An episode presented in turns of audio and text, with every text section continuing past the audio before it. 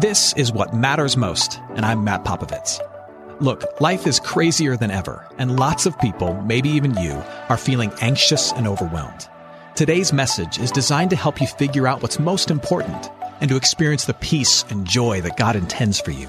Because life is a gift, and it shouldn't be wasted on worry. I'd like to give you a resource, something to help you navigate the road ahead. Just go to mattpopovits.com, click on the icon, and we'll send it to you. That's Matt, P-O-P-O-V-I-T-S dot com. And hey, if you happen to live in the Houston area, I'd love to see you on a Sunday morning at St. Mark in Spring Branch. Head to stmarkhouston.org to plan your visit. Here's today's message. Thanks for listening. Uh, some philosophers will tell you that, that pride is one of the biggest root issues of all the problems in the world. And most Christian theologians, myself included, would, would add on to that, agree with that, but add that pride was really the first issue, the first root problem in the world. Uh, that the problem in the Garden of Eden, way back at the beginning of the, the Christian narrative of human history, uh, wasn't Adam and Eve eating an apple, but Adam and Eve, in their pride, second guessing the goodness and the leadership and the authority of God. In fact, if you were to dive into the Christian scriptures, if you were to open a Bible, flip through with the, with the, with the task of trying to answer this question, what does God hate the most? What you'd find is that over and over again, at the top of his list is not a particular attitude, is not a particular activity or action, like, you know, you are abominable if you root for the Jets. It's not a particular activity. But over and over again, it's a particular attitude you hear God hate things like, I find pride detestable. It's often referred to as haughty eyes, which I don't know what that looks like, but you know, haughty eyes, a puffed out chest, which means you are looking down on others and you are full of yourself. Now, in order to start this conversation, we need a good working definition of pride. And this is the definition of pride uh, that I uh, think is most helpful. Pride is the inclination of the human heart to prize and protect oneself above all others. Uh, let, let's read that together out loud. Pride is the inclination of the human heart to prize and protect oneself above all others. Uh, think of the typical human heart. I mean, I, am speaking about the metaphorical heart, that inner place of the person um, where all their motivations and drives come from. Think of the human heart as the typical New York City apartment. Uh, the average one bedroom apartment in New York City is 750 square feet.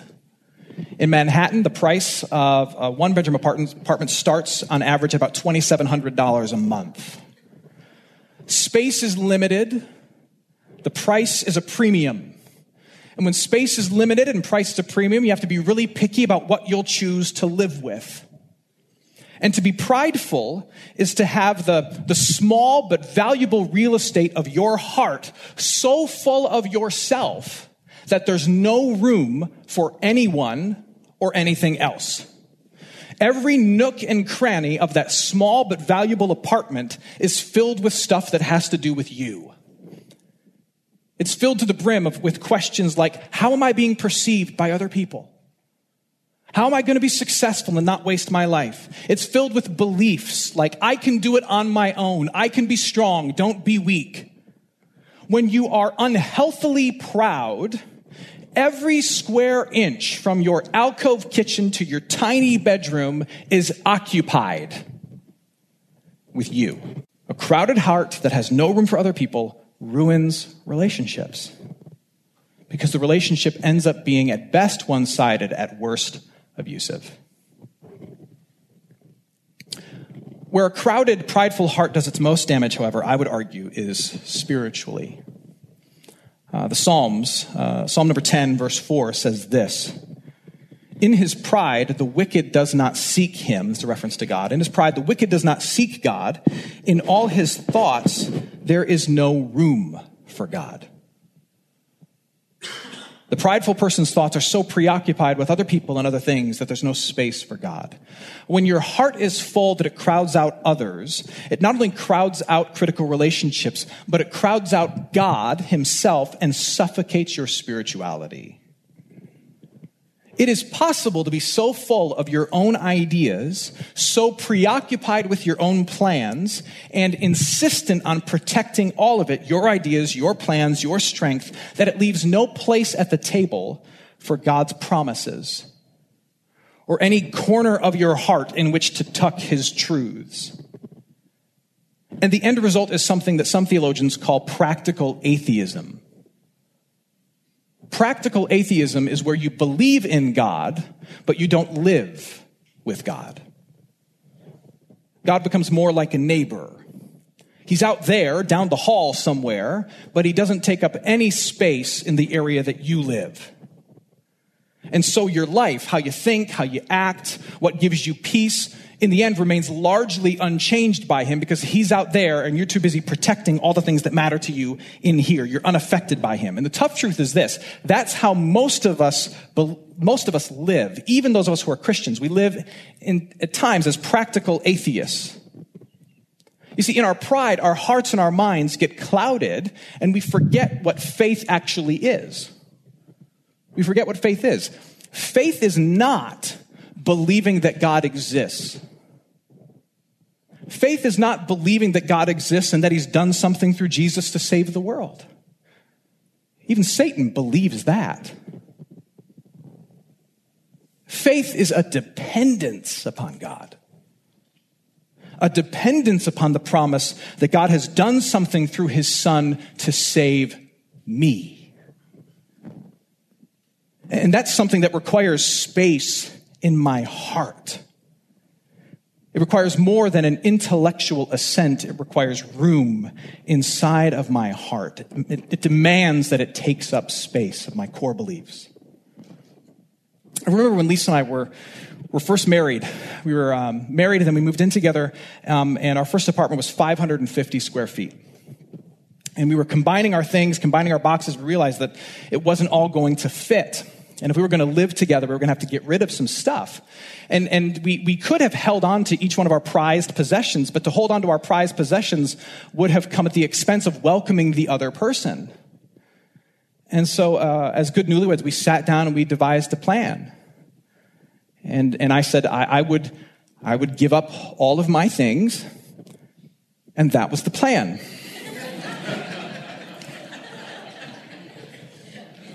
Because I love my wife.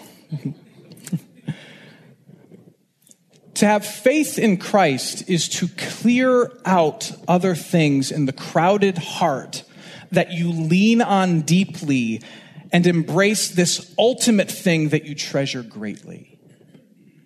To have faith in Christ is to clear out a crowded heart, remove some other things that you lean on deeply, maybe my own strength, my own wisdom, my own plans for how my life should go. You clean out some of those things and you embrace this new ultimate thing that becomes this treasure in your heart, in the, in the New York apartment of your heart. This thing that you treasure greatly. It is to say, Jesus, you have a, you have a space to sleep. You have a spot to eat. You have room for your books on the shelf in my heart. There's only one book. He wrote it. Doesn't take up much room.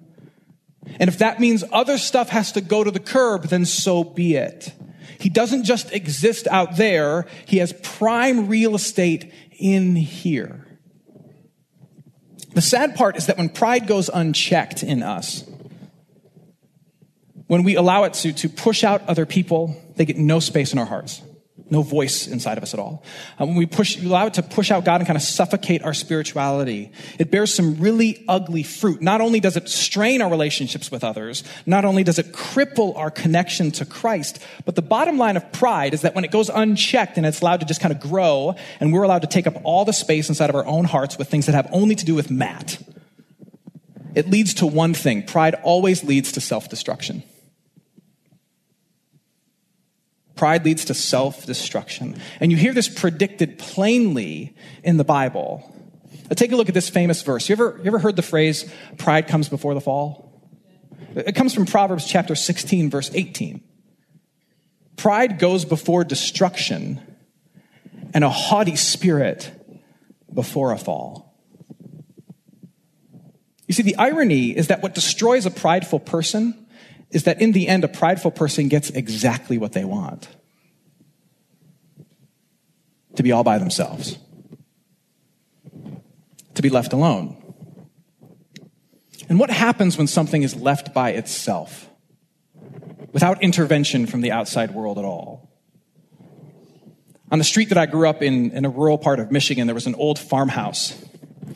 And it had been abandoned for years, for decades. I remember being on the school bus every morning and driving past it and just looking at this house that no one lived in and no one loved and no one invested in.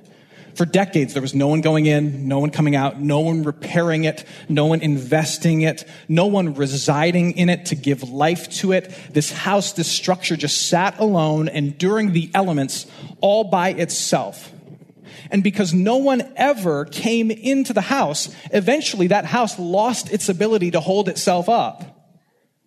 It fell under the weight of its own bricks and mortar because it had to endure all the elements on its own. The house fell down. A prideful person is that house.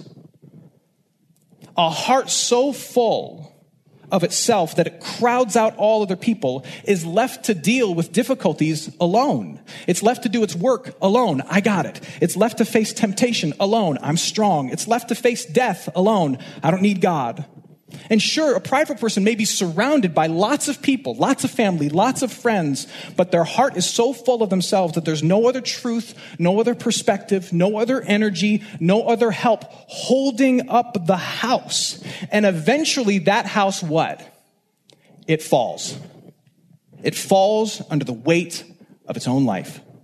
It collapses into despair. It collapses into burnout, into reckless indulgence into outright, actual unbelief.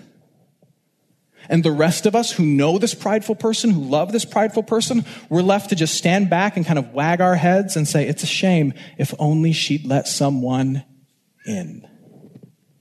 That's ultimately where pride leads. I don't need to tell anybody about my addiction. I can handle it on my own.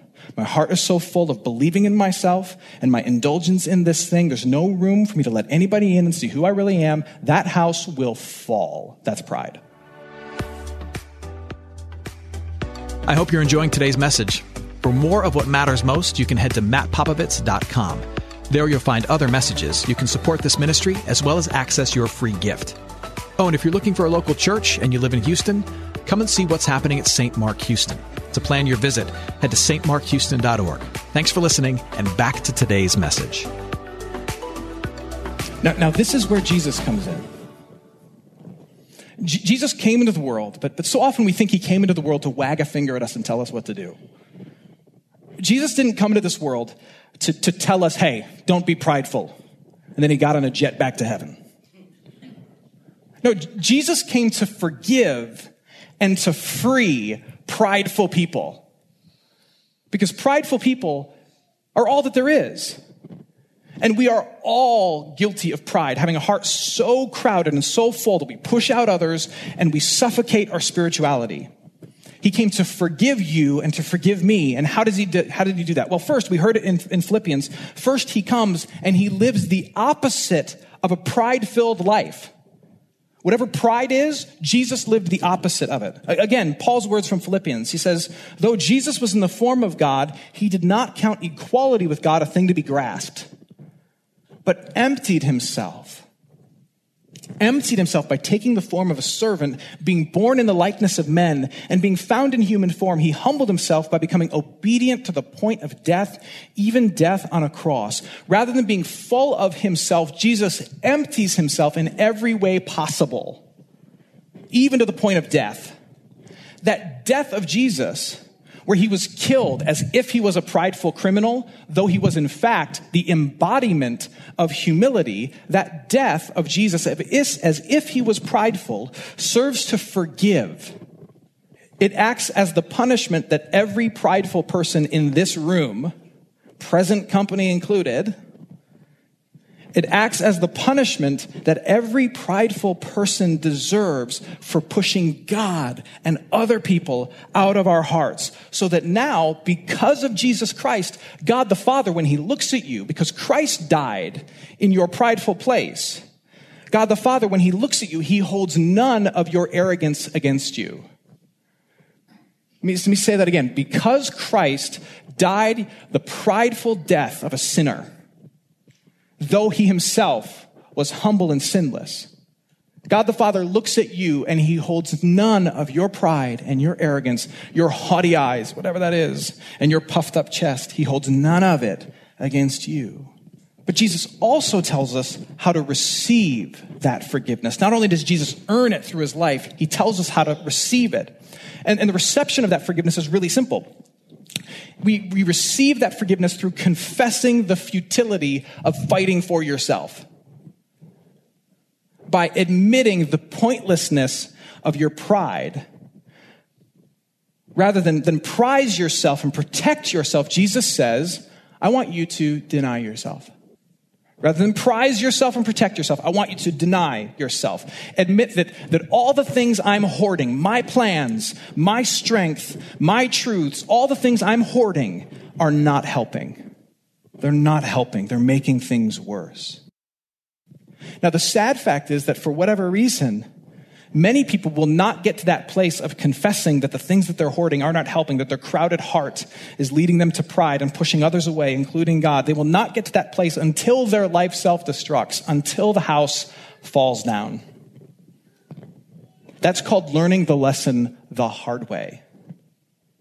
But Jesus says, however it happens, when a crowded heart is cleared through confessing the emptiness of all that it hoards, when a crowded heart is cleared, there will be a filling. A filling of mercy, a filling of grace, a filling of forgiveness will without end. Many of us say, we want to be filled with God. I get it, but first there has to be an emptying. Before there can be a filling, there must be an emptying. If, if you're here as a Christian, one of the pieces of good news for you is this that that moment of emptying and filling has already happened to you. That, that moment of emptying and filling, what the scriptures point us to constantly over and over again in the New Testament, that moment of emptying and filling, though you might not feel it today, it still happened to you. That moment happened to you at your baptism. That's the moment the New Testament points to over and over. That's the moment where officially, publicly, supernaturally, your pride was confessed, your heart was emptied, and you were filled with the gifts of God through Jesus Christ.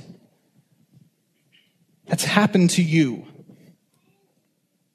And now, though you are His, what He invites you to do every so often, like every week when you come here, every morning when you pray, what He invites you to do, though you are His, and, and, and, and Christ has some space in your crowded little heart, what He invites you to do is to do pride maintenance. In my house, we just received a, a, plethora of gifts from very generous people. And my wife said to me yesterday, she said, We got to keep the stuff we received and throw out everything else in the house. you must regularly declutter the small but valuable real estate of your heart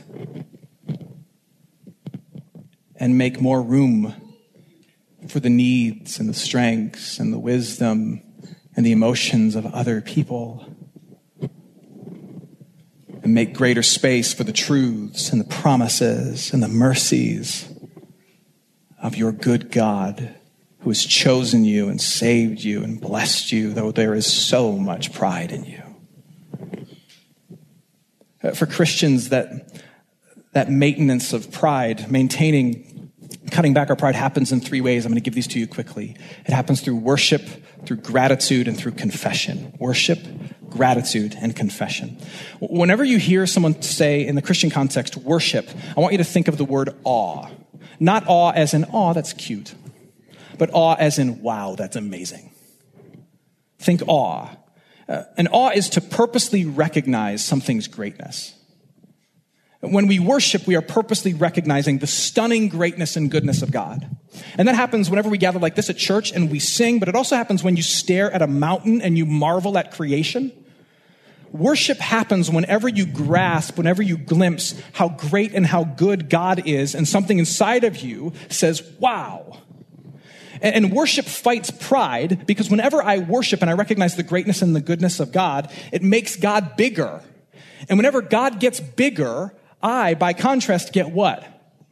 I get smaller, which makes more room for the things that matter, more room for Him, more room for others. Now, gratitude fights pride because it recalibrates my perspective. To be thankful, again, um, like worship, is to make yourself and the things that you prize and the things that you want to protect, it makes all of it smaller.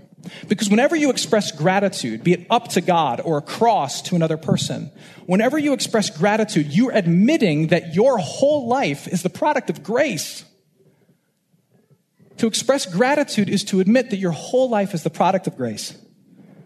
John Edwards once said, and this is a great quote, he said that pride is like the prized walking stick, boasting that it had, that it had climbed the Alps, that it had summited the Himalayas, that it had bathed in the Nile, but never admitting that the entire time it had been carried along by the hand of another. To have gratitude is to admit that though you have done things, you have been carried in all things by the hand of another. But sometimes worship doesn't cut it. Gratitude won't get it done, and we simply need to confess. To confess our pride is to pull it up by the roots and to call it what it is. And, FYI, this is the big difference between how a secular person, say a non spiritual, non Christian person, would fight their pride and how a Christian would fight their pride. This is the one thing of the three that I've mentioned that a secular person can't do without actually crossing over into faith. I mean, in some level, a secular person can worship in the sense that they can, they can look at a mountain and recognize the bigness of creation and go, wow, I'm small. Uh, a, a secular person can show gratitude to other people or gratitude to some nameless God in general, and in doing so, get small and fight pride. But confessing to a fellow Christian, or confessing to me as your pastor or in prayer by yourself, Lord Jesus, I have crowded you out.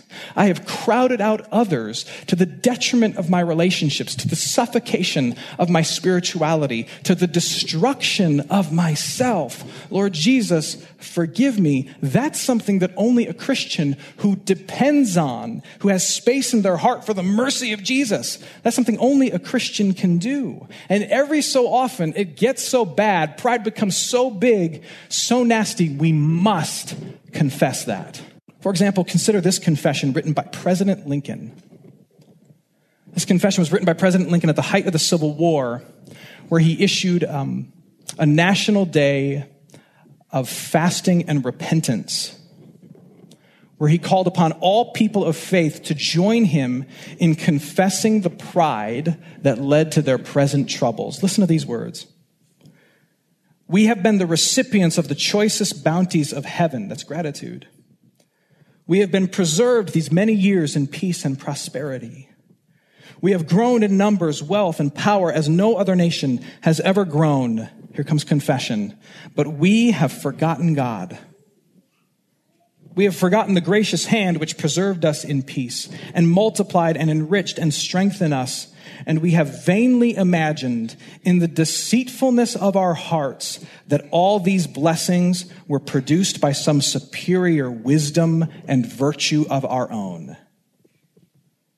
Intoxicated with unbroken success, we have become too self sufficient to feel the necessity of redeeming and preserving grace, too proud to pray to the God that made us. That is a confession. And every time we do that, every time we confess our pride to God, every time you do that, listen to me, every single time God's response to you is the same you are forgiven. Hey, it's Matt. I hope you enjoyed what matters most. Here's what I need you to know life is a gift, and it shouldn't be wasted on worry. I want to help you figure out what's most important and to experience the peace and joy that God intends for you. So for more content, you can head to mattpopovits.com. That's Matt, P-O-P-O-V-I-T-S.com. There you can also support this ministry as well as access your free resource, a little something to help you navigate the road ahead. I'd also love to see you on a Sunday morning. If you're in the Houston area, head to stmarkhouston.org to plan your visit. In the meantime, Hit me up on Instagram at mpopovits or at facebook.com slash Ministries. Thanks for listening. Now go and hold tight to what matters most.